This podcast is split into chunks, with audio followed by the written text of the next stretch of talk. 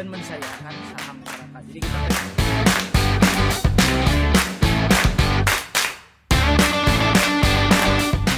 beda sama Jakarta kalau orang Bandung tuh uh, listrik investasiin buat sekolah anak. Golf itu something new. Gitu kupu-kupu mungkin ke- Eh, ayahku tuh satpam gitu kan. Di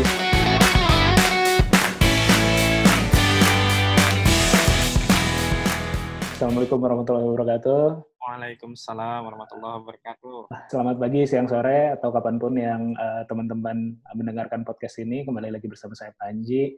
Dan kali ini eh, udah bareng sama Ihsan. Ihsan Akhirul, ah, Akhirul Syah ya. Kok udah kenal lama banget ya? Kayaknya pas dari zaman-zaman dirimu PPSDMS ya? Iya, dari kuliah ya, zaman kuliah. dari kuliah ya, dari kuliah dulu asrama PPS DMS namanya. Aku bukan PPS DMS, cuman suka suka ikut-ikutan main ke sana gitu. Apa kabar nih? Alhamdulillah, Kang Panji sehat. ya, beginilah suasana karantina. Udah dirimu di Kalibata ya, di Jakarta ya? Kalibata, benar. Ini udah hari berapa ya? Udah nggak kehitung lah. Udah saya sebelum ngomong social distancing, saya udah disuruh ke rumah karena sakit posisinya. Oh. Tapi bukan positif COVID atau apa? Bukan, bukan. Bronkitis, bronkitis. Oh, bro, gitu. Dia udah Oh, empat iya. bulan. Dia batuk dari akhir November. Oh. sebelum COVID kan itu kan kan confirm case di Indonesia baru Maret kan nah saya udah dari Desember tapi alhamdulillah ala hal ya sampai sekarang lah recovery-nya proses butuh lama ternyata Oh, aku nggak, aku nggak enggak ya. Semoga cepat sehat lah ya. Bronkitis tuh aku kalau aku sih asma dulu ya. Cuman terakhir asma itu zaman-zaman SD jadi kayaknya kalau dulu aku tuh setelah nggak tahu ini eh, apa ya sugesti atau apa. Pokoknya setelah sunat sembuh gitu istriku yang istriku yang bronkitis dulu ketika lagi eh, dan itu obatan pengobatannya kayak bertahun-tahun gitu dia zaman-zaman zaman-zaman dia sekolah gitu ini memang baru aja bronkitis apa memang dari dulu udah ini? baru baru jadi kalau hasil diagnosis dokternya sih Hmm. kan bronkitis itu ada dua yang infeksius sama yang alergik Hmm. alergik gitu nah saya masuk kategori yang alergik karena kalau dari tes dahak eh, dari ronsen sebenarnya nggak ditemukan penyebab infeksinya tapi eh, triggernya kalau kata dokter spesialis paru kebetulan waktu itu cek di tiga rumah sakit karena kan lagi wabah covid juga ya, jadi Ah. deg-degan juga Iya iya. karena sebabnya apa jadi triggernya sih lebih ke dingin lebu polusi kayak gitu karena Oh. kan sebelumnya kayak baik juga jadi suka naik sepeda nah akhirnya kalau batuk-batuk ketika zona lagi sensitif sekarang ya udah Iya jadi khawatir ya, jadi makin khawatir.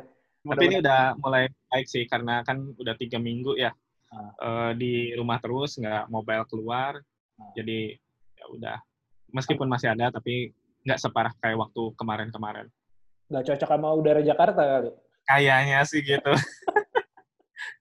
aduh Kita tuh terakhir ketemu udah ketemu fisik ya maksudnya. Kayaknya udah udah lama banget ya.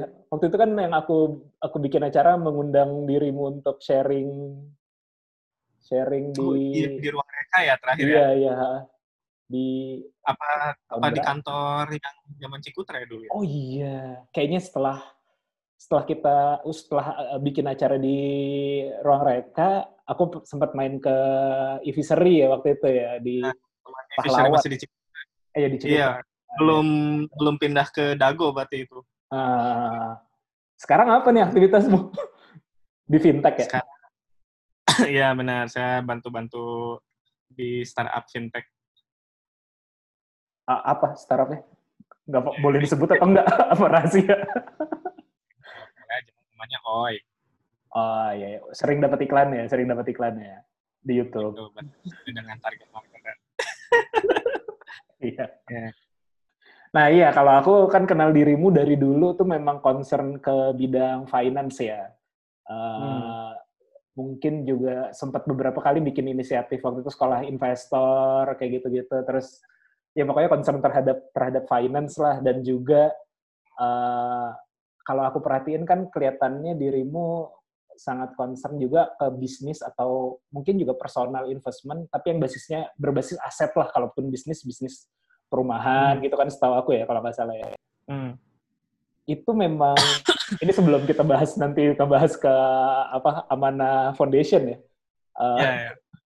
Itu memang memang dari dulu aja itu bawaan aja kayak gitu atau atau bagaimana? Soalnya kan Ya. kalau aku waktu itu sempat dapat cerita kayak dari Gesa atau dari Rian kayak gitu. Wah si Ican mah kalau?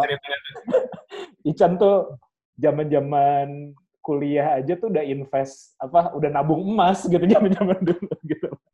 udah udah nabung Iya, emas diri asrama punya brankas lah kayak gitu-gitu. Oh, itu, itu jadi kayak udah membangun personal apa ya? Ya personal aset lah udah dari dulu gitu. Udah dari awal lah. Ketika aku dulu zaman-zaman itu kayaknya masih belum belum terlalu engah lah dengan dengan dengan hal-hal kayak gitu. Itu itu kenapa tuh?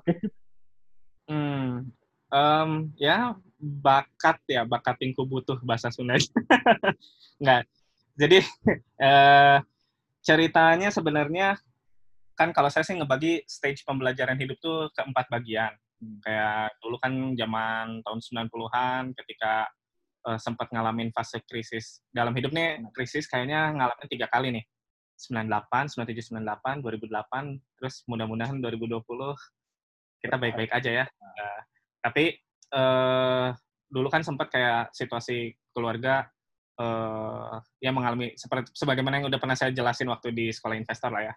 Eh, ada fase kejatuhan, kemudian eh, situasinya bikin ketemu di permasalahan keuangan yang sisi kiri, mau apa-apa susah gitu, sama eh, pembelajaran hidupnya pada waktu itu kan mencoba berusaha bekerja lebih keras daripada yang lain, daripada teman-teman sebaya.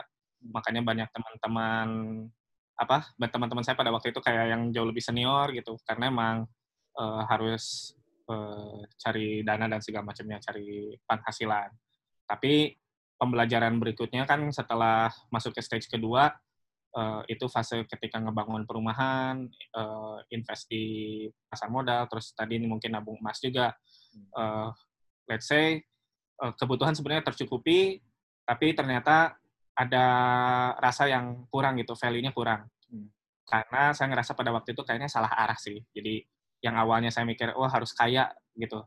Ternyata setelah dapetin eh, sejumlah materi buat ukuran mahasiswa sih, ya saya cukup lah pada waktu itu gitu. Meskipun gaya hidup sederhana gitu kan. Eh, tapi insya Allah eh, pada waktu itu sih untuk saving rasio ya cukup lah. gitu. nah, beli rumah waktu kuliah kan, buat diputar sampai kemudian lanjut ke develop property project ya enggak angkanya 9 digit juga lah pada waktu itu ukuran masih mahasiswa ya.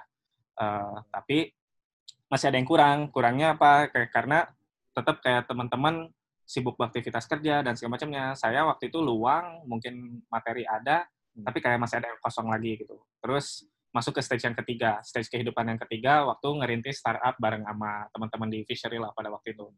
Eh, sharing visi, kemudian apa yang dampaknya saya belajar ekonomi kan, jadi kayak disparity orang kaya, orang miskin dan seterusnya. Kemudian co-founder yang lain isunya mereka eh, pengen apa hidup di dunia pertanian dan seterusnya dapat ma- eh, matching terus seolah-olah jadi kayak eh, impact investing lah. Jadi mencoba memberikan dampak manfaat kepada lingkungan dulu eh, terkesan heroik sampai kemudian bisnis bertumbuh 2014 sampai 2017 makin besar eh, ternyata ya ada pembelajaran yang menurut saya jadi bahan refleksi saya juga apa itu eh, terkadang kita ingin mengubah dunia yang besar gitu ya tapi Hmm. untuk mengubah dunia itu gak gampang gitu dalam artian mungkin kita perlu memperkuat fondasi dengan mengubah di level negara. Untuk bisa mengubah level negara juga nggak gampang. Kita harus Hmm. mengubah di level masyarakat.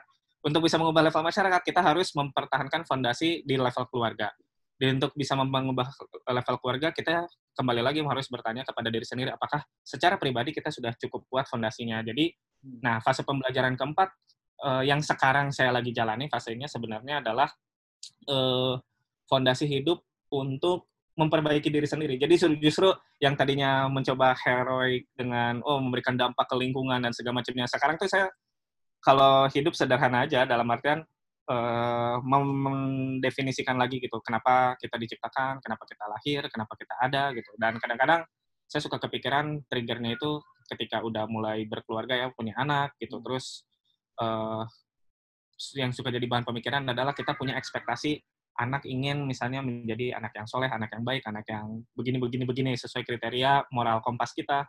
Tapi pertanyaannya apakah kita sebagai orang tua apakah sudah cukup memiliki keteladanan seperti itu?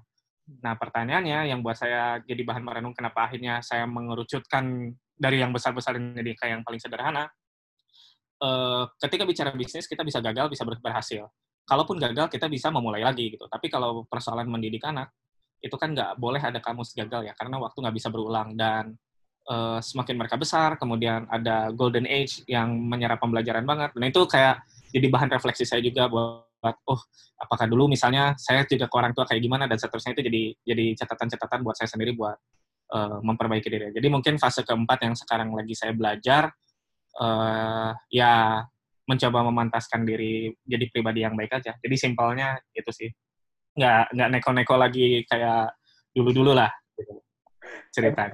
Emang kalau kayak kayaknya aku semalam sempat sempat apa ya sempat ngomong sesuatu di startup Bandung yang konteksnya adalah eh, apa ya salah satu psychological trait-nya entrepreneur tuh eh, istilahnya grandiose lah kalau bahasa psikologinya yaitu ya ingin terkesan wah atau ya tadi ya mungkin bahasa bahasa dirimu bahasa darimu adalah eh, berpikir besar gitu ingin ingin mengubah dunia lah Mas, ingin berbuat berbuat baik untuk orang banyak kayak gitu gitu. Padahal ujung-ujungnya uh, ya tadi mungkin bisa jadi uh, level terbaik atau yang paling bisa kita lakukan ya memperbaiki diri sendiri dulu gitu kan ya.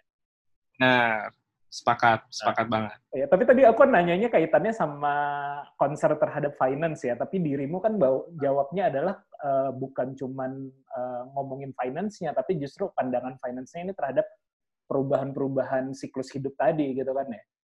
Berarti Benar. memang menurut dirimu finance tuh sangat uh, bukan cuma urusan uang gitu ya, urusan hidup gitu. Nah, finance kan cabang dari ilmu manajemen ya. Hmm. Kalau kita misalnya dari segi conceptual thinking-nya nih ya, kita mencari definisi manajemen akan ketemu lebih dari 100 definisi mungkin. Hmm. Salah satu di antaranya misalnya manajemen itu is an art and science. Ada satu konsep yang eh, penuh logik dan analitik, eh, tapi juga ada juga rasa seninya juga gitu kan, yang nggak bisa dijelaskan eh, secara kognitif aja gitu, karena bersentuhan dengan people, behavior, dan segala macamnya. Yang manusia itu unik, kompleks, dan unpredictable. Finance sebenarnya ya cabang dari ilmu manajemen itu sendiri gitu, dan ketika ngomongin keuangan, kita berbicara juga behavior diri kita pribadi dan behavior orang lain. Jadi akan ngaruh sebenarnya. Karena menurut saya sih, apa yang terjadi di dunia itu mungkin sebagian kecil adalah apa yang kita perbuat. Tapi sebagian besar faktornya adalah bagaimana kita merespon situasi. Termasuk juga kayak ilmu keuangan, ilmu investasi. Bukan banyak banget kayak apa ya, eh, nasihat-nasihat eh, yang buat tipikal fundamental, misal kayak Warren Buffett lah, guru investasi lah katakanlah. Eh, dia simple satu poin nasihatnya, ki- kita harus khawatir ketika orang-orang rakus dan justru kita harus ngejar peluang ketika orang-orang takut misalnya kan ketika orang-orang worry eh, kita harus cari opportunity di situ tapi sebaliknya ketika orang-orang pada super optimistik justru kita harus berhati-hati poin itu nah esensi kalimat itu mungkin sederhana tapi implementasinya dari tataran normatif diterjemahkan ke implementatif itu nggak gampang ketika kondisi misalnya bursa let's say kemarin di 6 ribuan Ya. sampai ke 3000 sempat di bawah 6.000 Hmm. gitu. Itu nurun 2000 poin orang untuk bisa mengamini dan mengeksekusi poin nasihatnya itu nggak gampang. Nah, Ya, ya. Makanya cara kita merespon itu jadi penting. Mindset itu benar-benar benar-benar apa ya fondasi yang yang yang menurut saya paling mendasar karena jika kita bisa tetap tenang dengan berbagai macam turbulence yang ada, cara kita mindset merespon tentang apa itu harta bagi kita, apa itu makna hidup buat kita, apa itu makna investasi bagi kita. Eh, jadi nggak nggak akan over stress dengan hal itu gitu. Jadi maksud saya ke arah sana sih. Kenapa buat saya kayak cycle pembelajaran yang saya empat tadi jadi penting karena itu membantu dalam proses keputusan kita juga dalam me- melakukan sesuatu. Apakah kita berinvestasi di instrumen A, di instrumen B, di instrumen C gitu. Tapi eh, cara pandang kita terhadap harta itu juga sama pentingnya. Karena kalau nggak lurus dalam cara pandang kita, eh, kita bisa overlap. Overlap dalam artian begini, kan ilmu keuangan, ilmu jual beli, ilmu perdagangan, ilmu investasi itu kan melibatkan aktivitas supply and demand. Yang mana kalau di ini kan kan jadi neraca ya. Konsep dasar dari ilmu keuangan kan kemampuan untuk bisa membaca laporan keuangan. Nah, komponen laporan keuangan itu di antaranya juga ada neraca, balance sheet. Balance sheet terdiri dari aktiva dan pasiva. Ada pemasukan harta, what we own, apa yang kita miliki, dan ada yang jadi liability-nya kan, what we owe gitu kan, selisihnya kemudian jadi kekayaan bersih. Artinya, penerimaan seseorang menjadi pengeluaran bagi yang lain. Ada 7 miliar orang di muka bumi melakukan aktivitas keuangan, masing-masing saling bertransaksi. Satu jadi pemasukan, satu jadi pengeluaran. Keseimbangan-keseimbangan itu terbentuk menjadi sebuah neraca tadi kan. Nah, a- secara esensi berarti kan kita berh- berhubungan dengan banyak orang. Jika mindset kita terhadap harta misalnya, kita terlalu greedy nih, terlalu Penyimpan ya. aku serakah dan segala macamnya, kita bisa overlap dengan menzolimi orang lain. Dengan mengambil, menghalalkan apa yang katakanlah sebenarnya nggak boleh misalnya. Akhirnya jadi overlap, cross the line. Atau sebaliknya, ketika misalnya eh, di sisi ekstrim yang lain kan kayak gitu ya, mentality-mentality yang berbahaya, bisa sampai ke tindak merugikan orang lain, korupsi, dan segala macamnya itu juga berawal dari sana. Atau sebaliknya, ketika kita sebagai laki-laki nih punya kewajiban, arijalu kawamuna ala nisa, punya kewajiban misalnya menanggung empat eh, wanita dalam hidup kita setidaknya. Ibu kita, istri kita, anak perempuan kita, saudara perempuan kita. Nah, ketika kita tidak menggunakan mindset yang benar juga, bisa aja kita jadi bermalas-malasan dalam berikhtiar, padahal memberikan nafkah itu wajib, gitu kan, misalnya cara pandang terhadap eh, memberi nafkah tuh seperti apa, cara terhadap harta. Berarti kan wajib juga untuk berikhtiar. Jadi tidak tidak ekstrim dengan menghalalkan segala cara, tapi juga tidak ekstrim yang lain dengan bermalas-malasan. Iya. Nah, keseimbangan-keseimbangan merespon ini, keseimbangan-keseimbangan mindset ini memang menurut saya penting supaya eh, ketika apa pun situasinya, saat kondisi kita lapang dan mudah, kita nggak terlalu jumawa, oh karena merasa hebat dan segala macamnya, akhirnya diliputi rasa sombong. Atau sebaliknya, ketika ada turbulence, ada cobaan, kita juga nggak berputus asa gitu.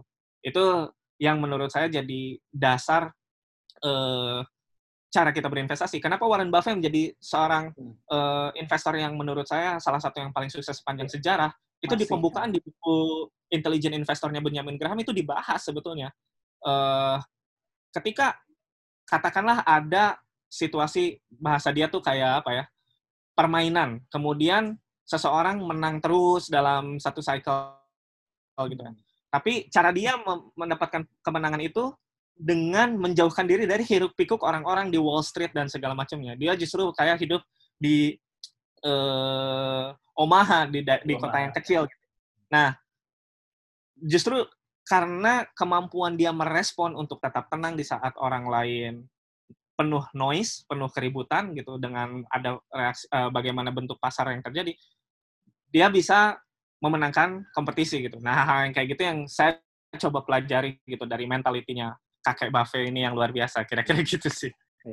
Eh, tapi itu menarik banget sih tadi ya. Eh, Konteksnya terkait dengan harta ya. Sudut pandang kita terhadap harta itu menarik banget. Eh, Konsep bahwa pen- pendapatan kita atau pengeluaran kita itu bisa jadi pendapatan buat orang lain. Mungkin itu juga yang jadi mendasari eh, ekstrim satunya lagi ya. Ekstrim bahwa greedy dan segala macam dan ujungnya adalah menimbun harta. Makanya kadang-kadang kalau di Islam, bukan kadang-kadang ya, makanya kalau di Islam eh, ada prinsip zakat eh, dengan nominal tertentu. Jika jika harta kita sudah mencapai nominal tertentu agar mungkin tujuannya perputaran uang itu tetap terjadi atau perputaran perputaran ya tadi ya eh, jual beli itu tetap terjadi mungkin ya. Jadi kalau kalau kita nimbunnya udah terlalu besar lo harus dikeluarin nih kayak gitu. Jadi kayak mungkin bisa dibilang kayak punishment gitu. Punishment lo hartanya udah terlalu banyak jadi di, di- disingkirin gitu. Harus dikeluarin nih kayak gitu Eh, jadi kan konsep tentang harta berputar itu dijelaskan di surat Al-Hasyr ayat 7 ya. Janganlah Ah. harta itu hanya benar saja di antara orang-orang kaya saja di antara kamu. Ya, Eh, Allah berfirman seperti itu gitu. Nah, Eh, kemudian konsep tentang pengelolaan harta sebenarnya kita bisa dapetin ibrohnya itu dari kisah Nabi Yusuf sebetulnya. Ketika Hmm. beliau eh, menjadi bendaharawan negeri Mesir pada waktu itu, kemudian raja ya. bermimpi tentang sapi gemuk dimakan oleh sapi kurus. Eh, apa yang dilakukan oleh Nabi Yusuf pada waktu itu adalah membuat policy, kebijakan, dengan mengambil benih itu sedikit demi sedikit, eh, untuk mempersiapkan masa pacaklik, eh, berarti memiliki cadangan pangan bagi negeri Mesir pada waktu itu sebanyak tujuh tahun, dan itu kan sebenarnya kegiatan kita menahan eh, konsumsi, menahan kesenangan hari ini untuk di hari esok. Itu kan sebenarnya jadi dasar berpikir mela- melakukan investasi gitu. Karena jangan sampai kita juga mewarisi generasi berikutnya itu dengan generasi yang lemah. Lemah dalam artian apa ya? Banyak hal, termasuk di antaranya materi. Eh, on the other hand, di sisi yang lain juga menjaga dari ekstremisme yang lain. Misalnya di surat At-Taubah betapa banyak eh, ayat-ayat yang menjelaskan eh, kengerian jika kita menimbun harta gitu, ya kan? Karena diancam dengan siksaan yang pedih dan segala macamnya gitu. Eh, karena apa? Ya efeknya jika kita menimbun ikhtikar gitu, itu akan membuat eh, harta tidak lancar berputar, yang mana efeknya akan menimbulkan eh, efek domino yang buruk di masyarakat. Ujung-ujungnya bisa lepas kendali, moral hazard, tingkat kriminalitas dan segala macamnya itu bisa ini dan tentu itu bukan tatanan masyarakat yang kita inginkan. Nah, jadi kenapa saya sangat suka sekali dengan eh, teori kuantitas uang yang sering saya ulang-ulang Hmm. Eh, karena related dengan perputaran tadi. Nah, terus konsep tentang zakat. Zakat kan termasuk dari bagian eh, rukun Islam yang paling mendasar ya. Pilar-pilar Islam, pilar rukun Islam kan salah satu di antaranya kita membayar zakat. Dalam angle eh, agama, maka itu menjadi sebuah konsep ibadah dalam Iya. sudut pandang ekonomi. Ketika misalnya zakat harta, zakat mal, kita memiliki harta sebanyak 20 dinar. Ekuivalen sekitar 85 gram emas. Karena satu dinar itu kan 4,25 gram emas ya kan? Nah, kemudian sudah memasuki haul satu tahun komariah. Eh, maka berarti kita dari sudut pandang ekonomi Islam itu eh, sudah ada harta idle Satu yang tahun. tidak berputar lebih dari cukup gitu satu sama satu tahun itu kan. Maka harus bahasa ayatnya kan ambillah zakat gitu. Karena itu bukan hak kita maksudnya bukan hak kita atau apa? Ya supaya berputar gitu. Jadi istilahnya dalam sudut pandang ekonomi itu kayak lampu kuning lah. Eh eh harta kita udahlah udah kebanyakan nih bayar tuh zakatnya gitu, supaya memastikan berputar supaya kenapa harta perlu berputar supaya bisa tercapai kemakmuran Iya. karena eh, kemakmuran ini hanya bisa tercipta jika harta itu berputar kalau untuk kaya kita nggak perlu kayak ajaran-ajaran norma norma-norma tertentu itu nggak perlu anda bisa menjadi kaya dengan merampok, Anda bisa jadi kaya dengan jadi koruptor, jadi kaya dengan eh, maling, jadi kaya dengan hal-hal buruk itu juga bisa jadi kaya gitu, atau jadi menerapkan riba itu bisa kita jadi kaya, super kaya banget. Tapi tidak bisa menciptakan kemakmuran. Kenapa? Karena efeknya akan terjadi kesenjangan yang sangat jauh antara yang kaya dan yang miskin tadi, dan kemudian masyarakat itu chaos orang miskin mungkin akan menganggap orang-orang kaya itu sebagai penjahat yang mengambil harta dari mereka. Orang kaya menganggap orang-orang miskin orang-orang yang malas dan segala macamnya. Karena efek yang eh, kayak tadi bertumpu dengan mementingkan diri sendiri semuanya gitu. Tapi ketika konsep yang mau ditujunya bukan kekayaan melainkan kemakmuran, maka perputaran ini menjadi prerequisite, menjadi syarat yang mutlak yang harus dilakukan. Distribusi itu menjadi penting. Dengan cara perputaran yang makin cepat, makin cepat, makin cepat, kemakmuran bisa tercipta. Jadi itu salah satu esensi kenapa pada zaman Khalifah Umar bin Abdul Aziz pada waktu itu dalam tempo yang singkat beliau berhasil memimpin sebuah negeri tapi tidak ditemukan fakir miskin. Dalam artian mereka ketika ada baitul mal mau memberikan zakat ditolak. Karena apa? Merasa cukup semuanya.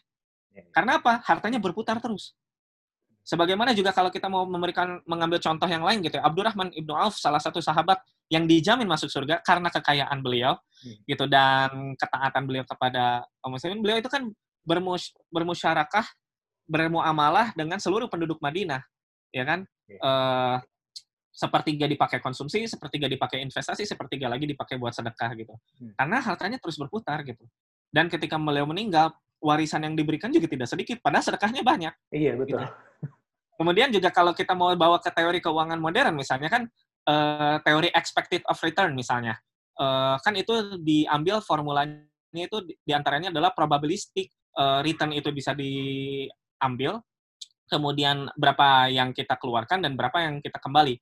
Jadi kalau misalnya di salah satu ayat diceritakan bahwa jika kita bersedekah satu bagian, kemudian Allah akan memberikan itu memperbanyak jadi eh, 100 kali lipat, di mana setiap kal- satu kali lipatnya itu cabangnya itu ada tujuh cabang jadi 700 kali, maka rumus expected return yang bisa kita peroleh dari sedekah kurang lebih kalau modal yang keluar satu Satu. sama dengan Bagi 700. eh, 700 dikurangi satu berarti 699 Bagi dibagi satu karena modalnya hanya satu dikali 100%. Iya. Kenapa dikali 100%? Karena Allah adalah zat yang pasti menepati janjinya. Hmm. Jadi probabilistic return-nya itu udah dipastikan. tinggi banget ya.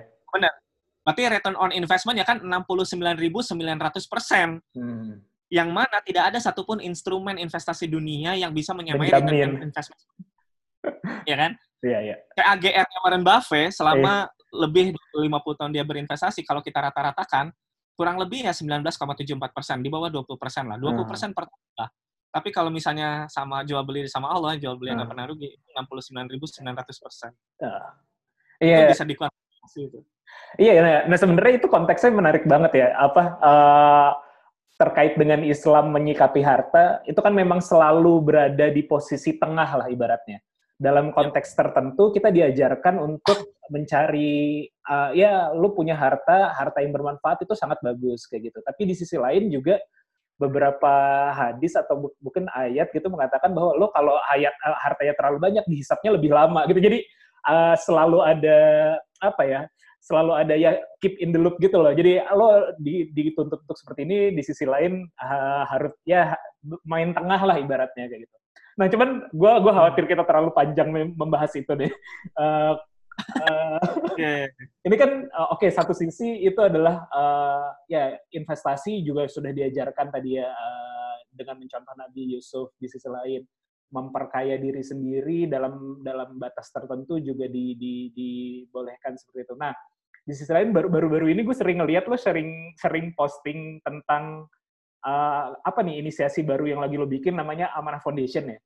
Eh, dan Oke. itu kan lebih men-trigger orang bukan untuk ke sisi finance dalam konteks eh, investasi, tapi lebih ke sedekahnya ataupun eh, apa sih itu Amanah Foundation bisa lo jelasin dulu nggak? Ya, sebenarnya eh, Amanah Foundation itu merupakan salah satu bentuk konkret dari paradigma keuangan atau pengelolaan harta yang tadi kita bahas sebenarnya. Hmm. Jadi sejarahnya dulu eh, Amanah Foundation itu dari komunitas eh, kelompok modal. Jadi kita sama teman-teman, saya sama teman-teman yang lain, kita patungan menyisihkan dari harta kita, kemudian kita salurkan kepada orang-orang yang membutuhkan pinjaman. Bahasa kita itu pinjaman kebaikan, Kordul Hasan. Jadi ketika ada orang yang misalnya butuh dana darurat kayak biaya sekolah, biaya kesehatan, mereka butuh pinjaman uang. Karena kan gini, kan dalam Islam itu haram hukumnya kita meminta-minta. Menjadi pengemis itu tidak boleh. Tapi kita harus bisa menjaga izah kehormatan keluarga dengan eh, cara apa sih setidaknya meminjam itu bagi orang yang butuh dana ya itu lebih baik daripada meminta-minta. Sebaliknya kalau di level ketika kita dalam kelapangan memberikan itu bersedekah itu lebih utama daripada kita meminjamkan karena pahala meminjamkan kan hanya setengah sedekah ya kan. Nah tapi based on reality ada banyak orang yang terjebak dengan katakanlah pada waktu itu case yang sedang ramai awalnya tuh pinjaman-pinjaman online dengan bunga mencekik kemudian mengerikan sekali gitu sampai fenomenanya waktu itu uh serem banget lah. Makanya kita coba inisiasi bareng sama teman-teman yuk kita kumpulin duit patungan entah 500 ribu sebulan dan segala macamnya. Kekumpul sekian dana tertentu lumayan eh, masih kecil lah cuma ratusan juta kita sisihkan. Kemudian kita salurkan kepada orang-orang yang memang membutuhkan tadi eh, pinjaman darurat awalnya tuh kayak gitu nah terus kenapa modelnya pinjaman eh, kebaikan yang tidak ada bunga jadi ada orang mau minjem satu juta balikinnya satu juta sesuai dengan kemampuan dia ini juga untuk menjembatani yang tadi saya bilang yang namanya ilmu keuangan, manajemen, perdagangan, dan segala macamnya itu relasi antar manusia. Jangan sampai kita zolim atas sama satu sama lain. Betapa banyak case-case persaudaraan, kerekanan satu sama lain itu, persahabatan seseorang itu jadi rusak karena urusan pinjam meminjam. Ya kan, Eh, yang meminjam mungkin mo- moral hazard dengan nggak mengembalikan secara tepat waktu, atau yang meminjamkan melakukan moral hazard dengan mencela-cela, dengan meremehkan, Menghina, ya. dengan menggunakan apa lisan-lisan yang kasar gitu kan itu jadi hal yang merusak persaudaraan satu sama lain. Nah, maka kita perlu merekatkan satu sama lain lagi kan. Bagaimanapun silaturahim itu kunci rezeki, Sat. Dan mencegah krisis itu nggak bisa dengan berpikir diri sendiri. Jadi misalnya yang kemarin saya sempat bahas di Startup Bandung juga ya. Ketika kita lihat ada beberapa simptom-simptom krisis, ketika semua orang kemudian memikirkan dirinya sendiri, keep reserve cash buat dirinya sendiri kan banyak banget tuh perencanaan keuangan. Oh, saatnya siapkan dana darurat, Ya, tarik simpan. money policy, mulai peluru dan segala macamnya. Akhirnya mereka mulai keep buat dirinya sendiri dan nggak peduli apa yang terjadi orang lain. Efeknya apa? Krisis bisa semakin dalam karena velocity harta nggak berjalan. Akhirnya muncul kayak kriminalitas meningkat dan segala macamnya. Akhirnya makin ngeri gitu loh. Efeknya bola saljunya makin serem. Tapi jika sebelum krisis itu mem- memburuk, kemudian kita memperlancar velocity justru di saat itu empati kita harus eh, dilancarkan satu sama lain, maka kita harapannya bisa mencegah gelombang krisis yang lebih besar. Kita bisa meredam ombak itu gitu dengan cara apa? Memperlancar harta. Makanya proses tolong menolong membantu itu menjadi satu hal yang penting. Jadi awal konsep dasar Amanah Foundation sebenarnya awalnya itu. Nah, adapun terkait dengan COVID, eh, karena saya percaya bahwa ini COVID ini satu aspek gelombang, tapi ada gelombang lain yang akan menanti gitu. Maka eh, ibaratnya ini jadi trigger karena selaras dengan misi kita terkait dengan eh, jangan sampai ada orang-orang yang kemudian mengalami kesulitan karena faktor-faktor terdampak lah karena COVID, kehilangan penghasilan dan semacamnya. Maka kita harus misi kita di dua kan, ada di campaign yang COVID ini. Satu membantu eh, best defender kita, yakni para tenaga medis, eh, karena mereka guide apa penjaga yang paling di belakang gitu garis belakang sama sama diri kita sendiri yang ada di depan ketika pemerintah yang mana perlu kita support programnya eh, menerapkan program social distancing atau physical distancing. Tapi di sisi lain kita juga harus care dengan masyarakat yang punya kerentanan ekonomi efek dari eh, wabah ini maka kita campaign kita juga di antaranya menuju ke sana. Jadi ini selaras dengan apa yang jadi program kita MVP di awal dulu waktu menerapkan pinjaman kebaikan. Cuma ini kayak levelnya udah nggak bisa lagi level pinjaman, tapi level yang memang saling memberi satu sama lain, supaya kita bisa mencegah gelombang yang lebih besar di kemudian hari. Jangan sampai kita harus mengulang, jangan sampailah terulang kejadian di masa lalu, di mana pada saat itu penjarahan terjadi di mana-mana, dan seterusnya, karena eh, setiap orang berpikir untuk dirinya sendiri. Kalau bahasa ekonominya, ini disebut dengan tragedy of common. Analoginya kayak gitu. Contoh, kita mau berpindah dari satu tempat A ke B katakanlah saya di Kalibata mau menuju ke SCBD, jaraknya sekitar 10 km, 8 km sampai 10 km. Saya punya pilihan untuk menuju ke SCBD itu dengan berbagai macam alternatif. Apakah berjalan kaki, naik sepeda, naik Transjakarta, atau bawa mobil pribadi, atau bawa motor misalnya. Atau naik helikopter kalau punya banyak duit ya. Nah, katakanlah misalnya saya pakai mobil pribadi misalnya, pengen bawa mobil aja deh. Kemudian semua orang berpikir, oh saya juga pengen mobilitasnya lebih cepat, nggak kalau jalan kaki lama, panas dan segala macamnya. Akhirnya semua orang berbondong-bondong membeli mobil. Kalau perlu memaksakan kredit eh, ke- dan, Dan beli mobil. Efeknya apa? lagi ya. Kita aman. Yang terjadi kemacetan. Yang berawalnya berharap untuk menjaga diri sendiri, tapi ternyata jadi bencana bagi semua. Sama fenomena krisis juga kayak gitu. Ketika semua orang hanya memper- mementingkan diri sendiri untuk yang penting saya selamat, saya jaga cash, saya amankan aset-aset untuk diri saya pribadi. Kemudian kita nggak empati kepada yang lain. Yang terjadi yang akan kita terima adalah tragedy of common, bencana ekonomi yang jauh lebih besar. Jadi filosofinya dari Amanah Foundation itu sebenarnya memperlancar arus distribusi harta itu. Kira-kira gitu. Iya, itu menarik banget sih. Jadi kalau aku nggak ngerti istilahnya ya waktu itu eh, terkait dengan tragedy of common, cuman memang eh, logikanya nyambung banget dan itu juga waktu itu aku menyadari hal-hal tersebut gara-gara eh, Europe, gara-gara Eropa gitu, gara-gara aku dulu nggak nggak terlalu paham nih kenapa Eropa tuh saling membantu satu sama lain kayak gitu ya. Waktu itu kan ada apa eh, Er- Eropa Union ya, apa eh, Pers- Persatuan Eropa kayak gitu kan. Sedangkan ada Ya. negara-negara yang jauh lebih makmur, ada negara-negara yang lebih kurang kayak gitu kan. Nah, mereka saling Ya. membantu satu sama lain karena memang ingin menjaga lingkungannya. Waktu itu analogi aku berpikirnya begini, kayak kalau aku lagi di jalan gitu ya, kayak aku lagi di jalan naik motor atau naik mobil, kadang-kadang kita suka kesel sama orang yang tidak tertib lalu lintas gitu ya. tidak tertib lalu Ya. lintas misalnya atau bukan levelnya mungkin bukan tidak tertib lalu lintas, tapi levelnya mungkin bahkan nggak jago lah naik motornya gitu. naik mobilnya nggak nggak nggak jadi deh harusnya bisa bisa dicepetin dikit nih atau ini harusnya ini bisa lah lewat aja gitu misalnya dalam dalam pikiran aku. Uh, aku jadi berpikir waktu itu uh, seandainya semua orang memiliki skill yang sama, memiliki apa ya memiliki cara bawa kendaraan yang baik sama baiknya gitu jalanan jadi lebih lancar nih. Nah akhirnya gara-gara oh iya makanya mungkin Eropa nih membantu negara-negara yang lebih lebih rendah uh, apa uh, le mungkin lebih rendah uh, kemak tingkat kemakmurannya agar mereka bisa bisa jalannya sama-sama cepat kayak gitu. Mungkin mungkin ininya dalam dalam konteks konteks sederhananya gitu ya Hmm. Itu satu. Terus yang kedua tadi menurutku menarik juga adalah Nah, ini pandanganmu gimana nih? Itu kan uh, amanah apa amanah foundation kan memang uh, tujuan awalnya untuk membantu orang-orang yang tadi uh, sempat mengalami kesulitan uh, dalam uh, berhutang waktu itu ya uh, dengan adanya marak ya, betul. online dan segala macam. Dan tadi uh, apa namanya uh, nasnya itu benar banget sih. Bahkan ada suatu kisah fenomenal juga ya di Islam gitu yang menceritakan lo kalau saudara lo sampai minjem kayak gitu. Itu kan uh, artinya dia sudah merendahkan begitu tinggi apa uh, harga dirinya ya. Lo sebenarnya yang salah kita sebagai saudaranya karena tidak hmm. mengetahui kondisinya dia gitu. Bahkan yang ditegur adalah orang yang memiliki kemampuan sampai nggak ngeh saudaranya ada yang ada yang butuh kayak gitu. Itu itu itu menarik. Cuman uh, aku lupa ya ada yang sempat nge-share itu di aku lupa di grup apa gitu kalau nggak salah di lingkaran pertemanan gitu ada yang nge-share uh, ada grup-grup Facebook yang uh, orang yang minjem online itu malah berkampanye tidak perlu mengembalikan gitu loh. Pernah pernah lihat nggak ada grup kayak gitu? Eh waktu ya, itu ya. pernah aku share kan di di di, di IG ya, ya, ya. aku pernah. Ya, ya, ya, uh, pandanganmu gimana tuh? Jadi ada orang yang sengaja meminjam uh, meminjam uh, ya karena kredit uh, zaman dulu mungkin kartu kredit zaman sekarang pinjaman online jauh lebih mudah ya.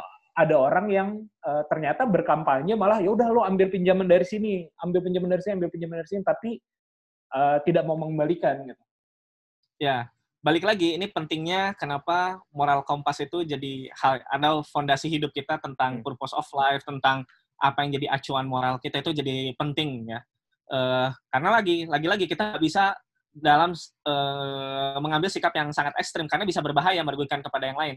Jadi gini, kaidahnya dalam adab utang piutang ya, orang yang meminjam debitur, orang yang butuh duit nih, adabnya adalah mengembalikan utang itu secepat mungkin, kemudian semaksimal mungkin. Sebaliknya, adab bagi orang yang e, meminjamkan atau kreditur, dia justru harus memberikan kelonggaran, uzur, e, toleransi, dan tidak boleh mencaci maki dengan lisan yang kasar kepada debitur.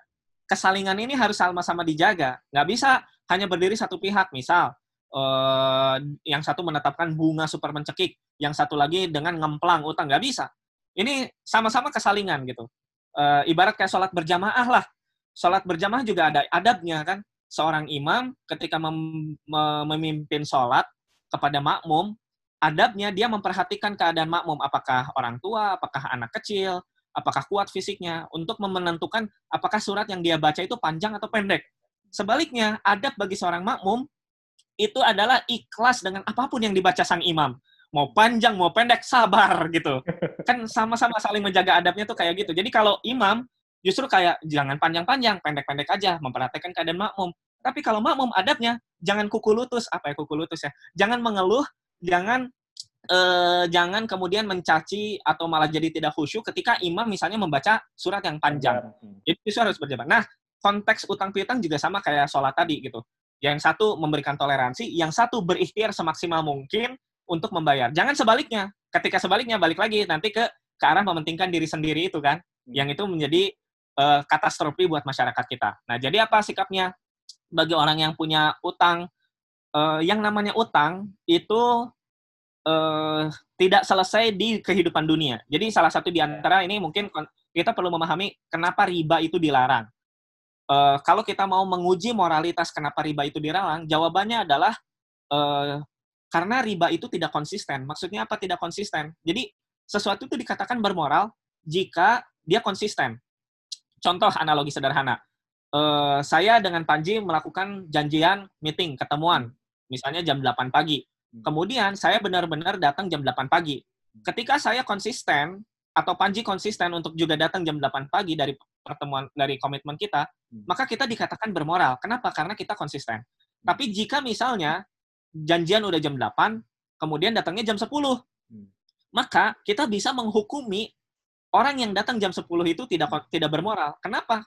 Tidak bermoral karena dia tidak konsisten. Mhm. Jika seorang yang datang jam 10 ketika dia berjanji datang jam 8 dikatakan bermoral, pertanyaan yang bisa kita ajukan adalah apa gunanya janji? Mhm. Lebih jauh lagi kita bisa bertanya, apa gunanya waktu? Waktu jadi nggak ada faedahnya. Hmm. Janji jadi nggak ada faedahnya kalau kayak gitu. Kalau misalnya orang yang telat datang dianggap bermoral. Itu. Nah, sama seperti riba. Kenapa riba tidak bermoral? Jawabannya adalah karena riba tidak konsisten. Tidak konsisten. Dari mana kita tahu tidak konsisten? Konsep seseorang untuk menerapkan riba itu membutuhkan eksploitasi orang yang lain, ya nggak? Ya. Jadi kalau misalnya ada kalau kalau saya punya uang satu juta misalnya, kalau saya mau eh, sekedar kaya dan menerapkan riba sebagai sesuatu yang bermoral, ya udah saya jadi rentenir aja. Pertanyaan yang bisa kita ajukan adalah apa gunanya bekerja? Bekerja menjadi nggak ada faedahnya jika riba itu bermoral. Saya punya uang, udah saya jadi rentenir aja deh ke orang-orang. Kasih bunga yang tinggi, lu harus saya kasih lu satu juta, lu balikin ke gua 5 juta misalnya, seenaknya gitu. Tapi itu nggak akan bisa bekerja. Kenapa? Karena riba ini baru bisa jalan jika kita mengeksploitasi banyak pihak. Tapi jika semua orang berpikir seperti saya kayak tadi untuk mengeksploitasi itu, dijamin nggak akan pernah berjalan. Makanya krisis ekonomi salah satu triggernya di antaranya adalah ketidakmampuan membayar utang dan segala macamnya karena bunga ini datang dari sesuatu yang eh, invisible tapi kemudian harus dibayarkan dan itu otomatis akan ada satu pihak yang gagal bayar at some point. Makanya krisis itu selalu berulang dari satu ke masa. Itu satu hal. Di sisi yang lain, yang namanya utang itu eh, apa sih? Eh, harus dibayar. Jadi sampai ada satu contoh dari Rasulullah itu ada orang yang meninggal dalam keadaan memiliki utang. Rasul tidak mau menyolatkan. Ketika ada sahabat yang menjaminkan dirinya, saya yang akan membayarkan utang jenazah yang tersangkutan, baru mau disolatkan. Bayangkan, jika seandainya kita memiliki pahala yang sangat besar, jihad misalnya, salah satu di antara amalan utama itu kan berjihad, visabilillah. Tapi jika kita meninggal dalam punya keadaan utang, itu bisa tertahan masuk surga. Saking beratnya konsekuensi punya utang meskipun hanya satu dirham. Satu dirham itu 70 ribu rupiah ya, kalau dirupiahkan. Ini saking urusan utang piutang itu ngeri banget. Dan yang syariat Islam itu menjamin yang namanya utang piutang itu pasti dibayar lunas. Jika dia mem- eh, pilihannya dibayar cara pembayaran lunasnya ada dua. Kalau nggak si orang tersebut secara free will membayar ketika dia hidup atau ketika dia mati dalam artian kan ada yang namanya hisab. Ya. Orang di yaumil mizan kan di yaumil akhir itu ada mizan, timbangan amal baik, amal buruk. Hmm. Amal baik, amal buruk ini akan menjadi currency di kehidupan berikutnya jika orang tersebut memiliki neraca yang positif, asetnya gitu, artinya dia punya amal baik yang banyak, tapi dia punya utang nih, maka amal baiknya ini akan ditransfer kepada yang dia utangi. Hmm. Kalau misalnya ternyata dia defisit, negatif equity, ya, kekayaan bersihnya nggak cukup karena keburukannya lebih banyak daripada eh, kebaikannya, maka keburukan si orang yang diutangi itu akan ditransfer Dipindah, kepada ya. si orang yang Hmm. eh, zolim dan berbuat utang tersebut sampai akhirnya jadi lunas. Nah, syariat menggaransi yang namanya utang piutang itu pasti dibayar lunas. Hmm. Nah, pertanyaannya, jika kemudian syariat punya garansi yang namanya utang piutang dibayar lunas dan yang dan yang namanya utang riba itu kan diawali oleh akad pinjaman, bukan jual beli. Kalau jual beli, you mau ngambil keuntungan margin terserah halal. Allah halalkan jual beli, tapi Allah haramkan riba. Mekanisme riba tambahan yang diharamkan itu adalah dari pinjaman. Dari pinjaman. Kenapa pinjaman kemudian eh, eh, menjadi haram dan tidak boleh dapat riba? Karena akadnya itu menempatkan penempatan bukan akad jual beli. Hmm. Contoh-contoh gini, kalau saya punya handphone, nih handphone, Hmm. saya menjual kepada Panji, Hmm. saya dapat keuntungan 20 ribu, modalnya misalnya 100 ribu, saya dapat omset 120 ribu. Sama satu lagi, saya punya modal uang 100 ribu, Hmm. dipinjamkan kepada Panji, Panji harus ngembaliin kepada saya 120 ribu Hmm. itu maknanya Berbeda, berbeda. ya? Yang Hmm. satu, uangnya yang tadinya milik Panji jadi milik saya, Ya. Barangnya yang tadinya milik saya jadi milik Panji. Ada pertukaran, exchange of value. Ya. Tapi kalau pinjaman, ketika misalnya saya pinjam uang ke Panji 100 ribu, uang yang ada di saya 100 ribu ini punya siapa? Iya, iya. Ya, makanya. Punya Panji kan, Punya Panji. punya saya. Saya. Panji hanya menempatkan uangnya di saya. Ya. Tapi uangnya tetap secara substansi miliknya Panji. Ya. Nah, karena uangnya punya Panji, maka Allah menjamin secara syariat uangnya. Panji, hartanya itu dilindungi. Hmm. Makanya garansinya tuh dibayar lunas. Jika syariat menggaransi yang namanya utang piutang dibayar lunas, maka atas dasar apa kita memberikan tambahan Iya. Itu satu pertama. Tapi meng- mengal- jadi konsekuensinya berat bagi semuanya kan. Yang satu harus memberikan keringanan, yang satu lagi lu kalau misalnya eh, nggak membayar utang, maka akan eh, konsekuensinya berat loh, nggak bisa tertahan masuk surga loh. Kalau misalnya kebaikan yang banyak pun gitu. Jadi jadi kalau misalnya ada case kayak tadi pertanyaannya Panji, gimana nih ada orang yang mengkampanyekan untuk tidak perlu membayar utang, maka keliru. Hmm. Jawaban yang benar adalah dia harus membayar utangnya. Setidaknya adalah pokok, pok- uang pokoknya, utang yang pokok. Hmm. Yang wajib itu utang yang pokok. Adapun yang ribanya, karena riba itu pada dasarnya zolim sebenarnya tidak wajib dipenuhi. Tapi utang yang pokok, jangan sampai gini. Ada orang yang misalnya punya berutang satu juta, terus karena dengan dalih, oh ini karena riba dan segala macamnya, akhirnya sama sekali nggak dibayar. Salah. Justru Hmm. Uang pokoknya itu harus dibayar. Utang tetap utang, harus dibayar lunas. Nggak boleh nggak. Kayak gitu. Iya. Cuman Cuma- tetap dengan cara yang kan adab-adabnya. Iya, maksud saya sebenarnya eh, kenapa aku jadi nanya kayak gitu? Karena ternyata itu ramai banget gitu loh. Jadi eh, aku lihat di grupnya itu, bahkan karena ada temenku juga yang ker- kerja di apa ya eh, lembaga keuangan kayak gitu, dia juga join grup grupnya di situ dan memantau tuh, memantau di situ, aduh dan dan kacau banget sih ya benar. Menurut menurutku sih jadinya pencerdasannya eh, kurang ya. Mungkin entah pemahaman mereka terhadap konsep utang piutang itu kurang. Satu juga Ya. mungkin yang memanfaatkan keadaan juga gitu, memanfaatkan keadaan. eh, ya mungkin kasus-kasus pinjaman online ini kan sempat terjadi mungkin 10 tahun yang lalu di kasus kartu kredit gitu kan. Tapi eh, jadi kayak berulang lagi gitu. Jadi eh, mungkin kampanye kebaikannya ya San yang perlu di lebih dimarakkan lagi nih biar orang-orang lebih lebih paham lagi. Apalagi konteksnya gini ya di Indonesia kalau kita tadi sedikit ngomongin tentang ya tadi mundur sedikit ngomongin tentang kesenjangan uh, nggak tahu Indonesia atau secara umum Melayu ya kita tuh orangnya sangat uh, ada ada ada obrolan kayak gini deh orang Indonesia atau orang Melayu tuh pada dasarnya tuh yang berlebih tuh suka pamer yang kekurangan tuh suka mengiri gitu. Jadi, jadi klop juga nih. Yang yang kaya tuh pamer yang miskin tuh tukang ngiri. Jadi klop nih yang pamer yang ini makin ngiri yang ini makin suka pamer gitu. Itu jokes sih itu Ya. jokes sih begitu.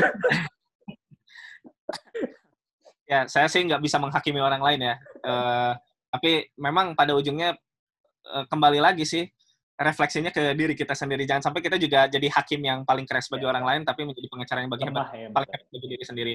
Eh, tapi ya sama-sama mengevaluasi diri aja ketika eh, situasi katakanlah mungkin lingkungan tidak ideal bisa jadi, tapi eh, apa ya? Ya kita lebih ke berusaha semaksimal mungkin agar setidaknya diri kita tidak menjadi bagian dari masalah gitu. Eh, karena udah terlalu banyak banget problem yang ada di sekeliling kita, radius of trust antar masyarakat, kayak tadi lah, yang satu moral hazard, ngemplang, yang satu lagi misalnya kejam, Betul, dan seterusnya, akhirnya mem- membuat bunga yang tinggi. Itu kan makin lama trust-nya itu makin jauh kan, makin ini, dan itu akan akan chaos gitu at the end, ujung-ujungnya. Maka sebenarnya unsur kayak yang disebut dengan ta'awun, tolong-menolong, kebaikan, dan segala macamnya tadi, itu sebenarnya untuk mereduksi radius of trust yang begitu jauh supaya orang mulai kembali saling percaya. Karena esensi kemakmuran, esensi kita bisa berbisnis satu sama lain, kemudian creating value, itu kan semua juga awalnya dari asas kepercayaan satu sama lain. Kan? Jadi jangan sampai kepercayaan itu luntur karena satu dipaksa dengan eh, penghukuman riba yang membuat orang lain jadi tercekik sehingga dia jadi melakukan tindak kriminal atau satu lagi di ekstrim yang lain dia eh, terlalu berterlena-lena dan akhirnya moral hazard dengan mengabaikan kewajiban dia itu juga sama berbahayanya gitu. Jadi tetap menjaga keseimbangan, tawazun dan saling menjaga adab. Makanya dalam muamalah itu adab tetap paling penting gitu. Adabnya itu tetap paling penting dan ini menjadi PR bersama buat kita gitu. Iya, sama sa- terakhir mungkin ya kalau kalau yang dilakukan oleh Amanah Foundation kan tadi ya eh, konsepnya pada dasarnya awalnya seperti itu dan sekarang ketika lagi ada apa ya ini bisa disebut wabah atau bencana gitu ya eh, COVID ini kan jadi justru aku malah mulai engah bangetnya gara-gara mulai melakukan kampanye eh, penyebaran apa eh, alat perlindungan diri kayak gitu-gitu yang dilakukan oleh Amanah eh, apa namanya Amanah Foundation. Tapi kan konsep lebih dasarnya lagi tadi terkait dengan membantu masyarakat uh, melunasi pinjaman dan segala macam dan juga di, di zaman seperti ini bahkan lebih fokus agar tadi krisis tidak terjadi gitu ya menunda menunda menunda krisis lah dan mungkin uh, saya di beberapa teman-teman juga dan termasuk saya juga uh, kita seri, beberapa minggu ini melakukan secara mandiri sih ya uh, apa ya sekedar kayak ngumpulin uh, apa ya bagi-bagiin ke tukang ojek ataupun ke beberapa masyarakat yang ya. uh, kita lihat uh, membutuhkan gitu ya kita lihat membutuhkan maksudnya sekedar sekedar mereka bisa bertahan hidup dalam kondisi seperti ini gitu dan dan tapi konsep konsepsi amanah uh, amanah foundation ini kan memang tadi ya ternyata di balik itu yang kita lakukan walaupun kecil ternyata bisa menunda krisis yang lebih besar gitu ya ternyata itu apa sekarang yang lagi real dilakukan uh, oleh Amanah Foundation? Ya, jadi uh, sekarang campaign yang lagi berjalan kan kita ada tiga ya. Satu, hmm. uh, flatten the curve. Karena kita, uh, saya percaya bahwa kemampuan kita, apa ya, upaya kita untuk bisa menjaga kurva pandemi ini supaya nggak terlalu melonjak karena healthcare system kita kan terbatas ya. Betul. Uh, kita perlu sama-sama mereduksi dengan saling tolong menolong. Lagi-lagi semangatnya adalah saling tolong menolong satu sama lain, baik itu kepada uh, tenaga medis uh, maupun masyarakat yang tidak terlibat langsung. Katakanlah ketika pemerintah misalnya memberikan kebijakan untuk tolong kerja dari rumah dan segala macamnya, kan tidak semua level masyarakat bisa seperti itu. Maka ini yang bisa kita lakukan tuh ya saling support apa yang bisa kita lakukan aja gitu satu sama lain. Itu yang pertama. Terus yang kedua ada uh, di different campaign itu jadi ada tiga hashtag kan yang pertama kayak flatten the curve terus yang kemudian save kaki kaki lima yang ketiga ini ada yang terkait dengan sembako. Itu yang lagi berjalan sekarang. Yeah. Kemudian ya kalau laporan pertanggungjawaban publik kan selalu saya publish di media sosial baik itu di Amanah, di website yeah. maupun di personal account pribadi karena itu fungsinya uh, lagi-lagi ini juga me, apa ya menampilkan itu perjuangan yang nggak gampang loh karena yang paling berat menurut Sufyan Asauri rahimahullah itu hmm. bukan soal amalannya tapi bagaimana menjaga niat atas amalan ya kan? Jadi ya, ya, ya. amal itu bisa hancur, lebur kalau kita misalnya ria, ya. kemudian tidak lurus dalam niat. Itu jauh lebih berat menjaga niat. Tapi di sisi lain kita juga harus melakukan akuntabilitas pertanggungjawaban kepada publik karena bagaimanapun dana yang masuk juga berasal dari masyarakat, hmm. nggak cuma dari diri kita pribadi.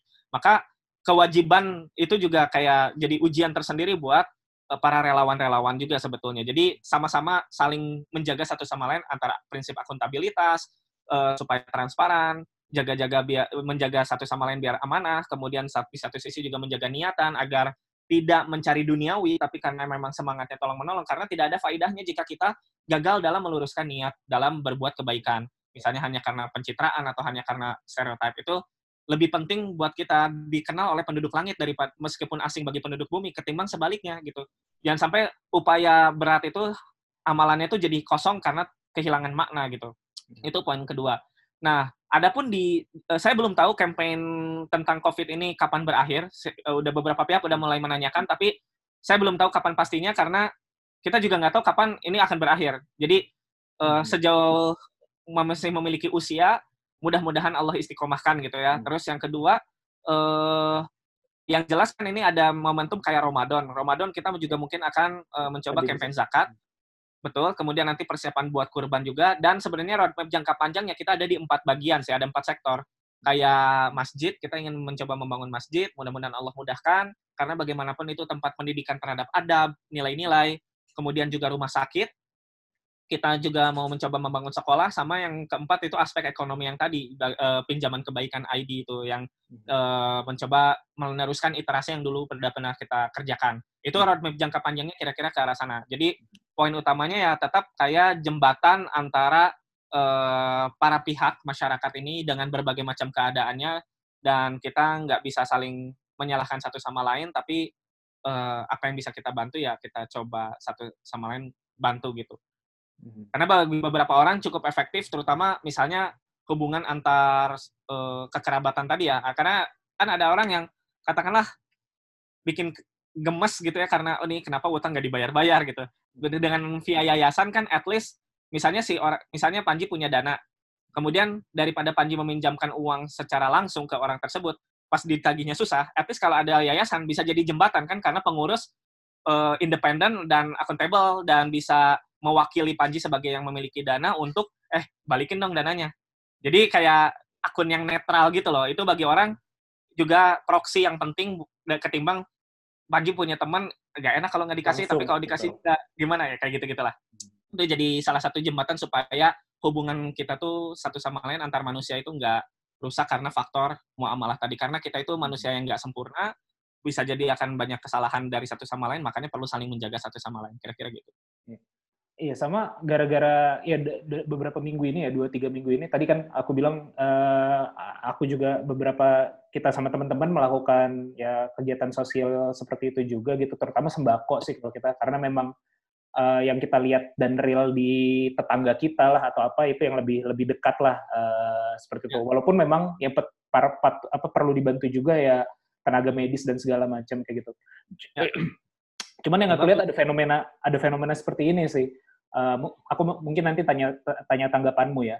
Aku belakang ini jadi ngelihat orang yang lebih concern terhadap orang lain atau yang ingin membantu orang lain itu justru orang yang juga dalam keterbatasan gitu.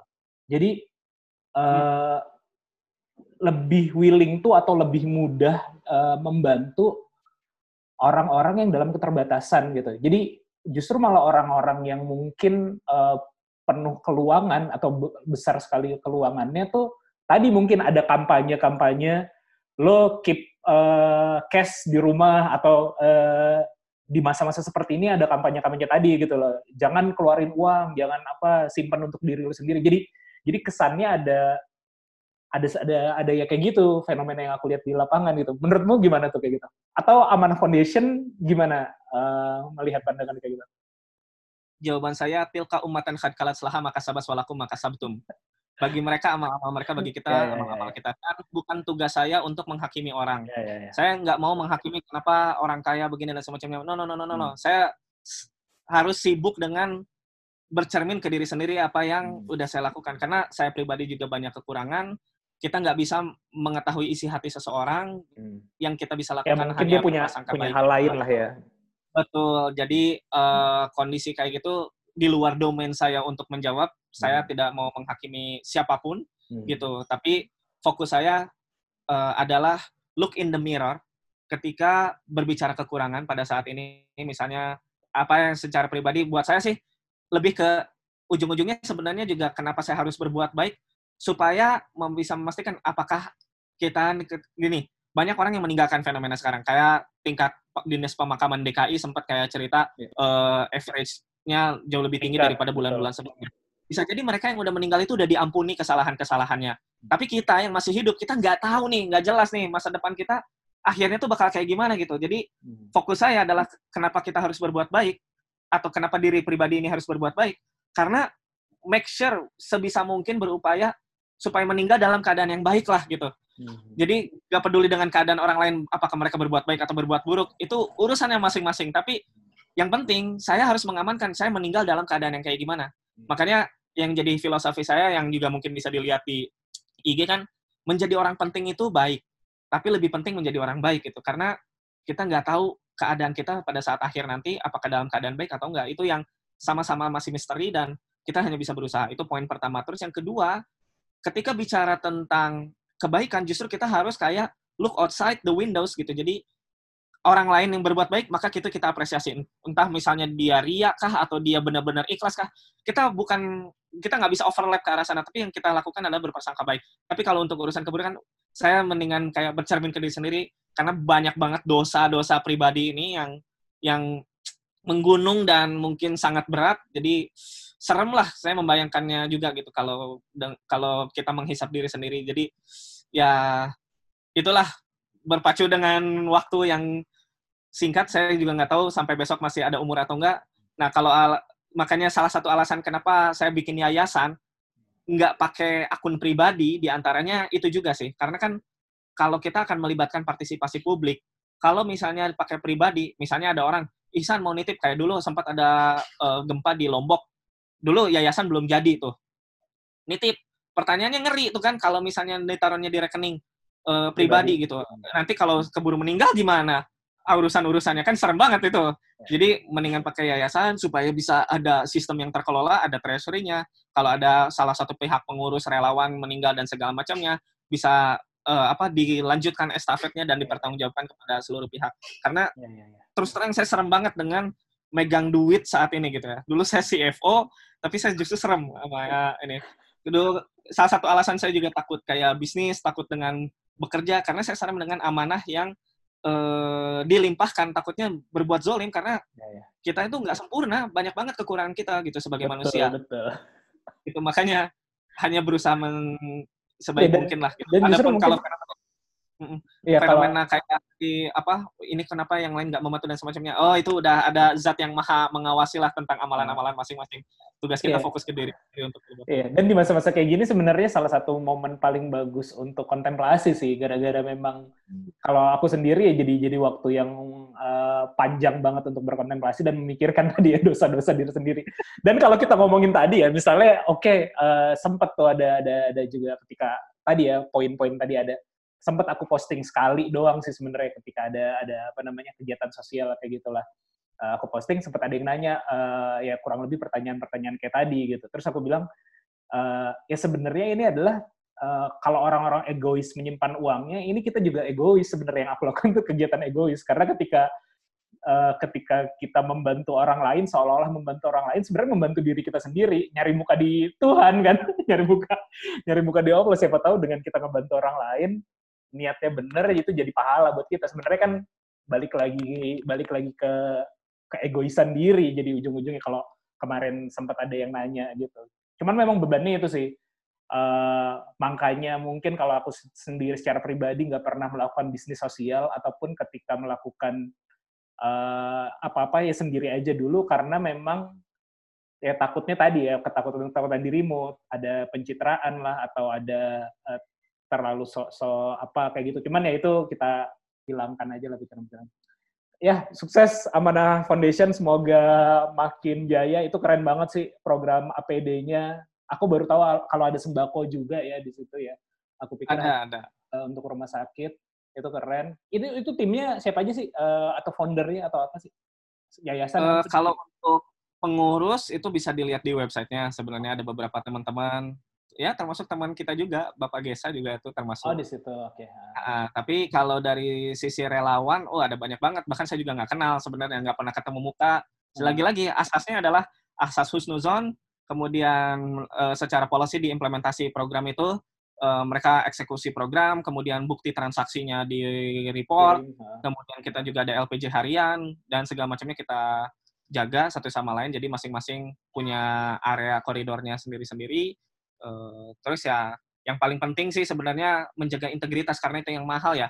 Eh, ibaratnya meskipun tidak ada satupun makhluk yang melihat, tapi ada zat yang maha melihat dalam setiap perbuatan kita gitu. Dan itu perlu dicamkan betul-betul terkait dengan pertanggungjawaban kita kepada para donatur, kepada para pihak yang diberikan bantuan, kepada diri kita pribadi untuk menjaga niat, karena relawan juga eh, sekali lagi yang lebih berat daripada menyalurkan bantuan adalah menjaga niat itu paling berat. Jadi eh, makanya kenapa saya selalu meminta dalam setiap LPJ itu tolong bantu kami, kawal kami gitu. Karena kita sama-sama manusia lah gitu. Dan makanya perlu eh, support untuk saling menasihati. Buat saya manusia itu dalam hal ini saya pribadi gitu ya, membutuhkan nasihat baik diminta maupun tidak diminta. So eh ya silahkan nanti kasih banyak input kepada kami gitu dan insya Allah kita sebagai al fakir al doif yang sama-sama masih harus banyak sekali belajar gitu dan mudah-mudahan bisa jadi jalan buat apa ya amal baik lah setelah meninggal gitu karena kita nggak tahu keadaannya gimana saat ini websitenya tuh amanahfoundation.org ini ya betul Oke, atau di IG ya amanah.foundation ya. Nanti aku taruh linknya. Semoga makin sukses. Oke, thank you bro. Makasih nih wejangan-wejangannya. Aduh ini sebenarnya itu lebih ke reminder diri sendiri sih saya Iya, iya, iya. Semoga sehat selalu ya. Salam buat keluarga. Ah, thank you. Kita akhiri sekarang. Ya. Kasih yang udah dengerin sampai akhir. Semoga obrolan kita ada manfaatnya. Dan jadi bu, apa? Jadi bisa disebarkan lah biar jadi pahalanya makin menyebar gitu. amin Amin. Thank you bro. Assalamualaikum. Yuk, Bye. Waalaikumsalam